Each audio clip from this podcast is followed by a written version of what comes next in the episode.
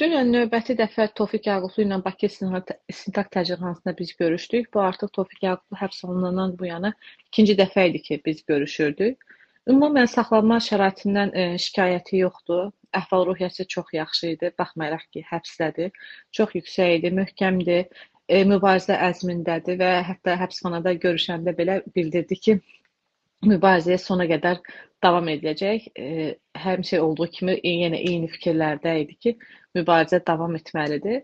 Ümumən səhhətindəki problemlər həbs olunmamışdan qabaq səhhətinə ciddi problemlər var idi. Həmin problemlər hələ də ki qalmaqda davam edir.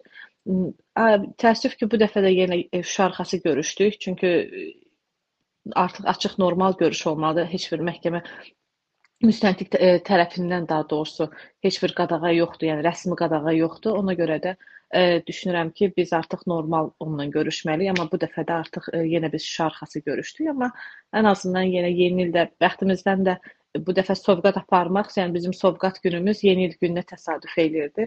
Həm bu münasibətlə həm onu ə, sovqatını verə, verə bildik, həm də onu yeni ildə biz onu gördük, onun yeni ilini təbrik elədik və düşünürəm ki, və Çox ümid edirəm ki, bu il Tofiq Yaqubun və eləcə də digər siyasi məhbusların həbsdə olduqları son yeni il olsun və gələn il hər kəs öz evində, azad cəmiyyətdə, demokratik ölkədə yaşamaq diləyi ilə.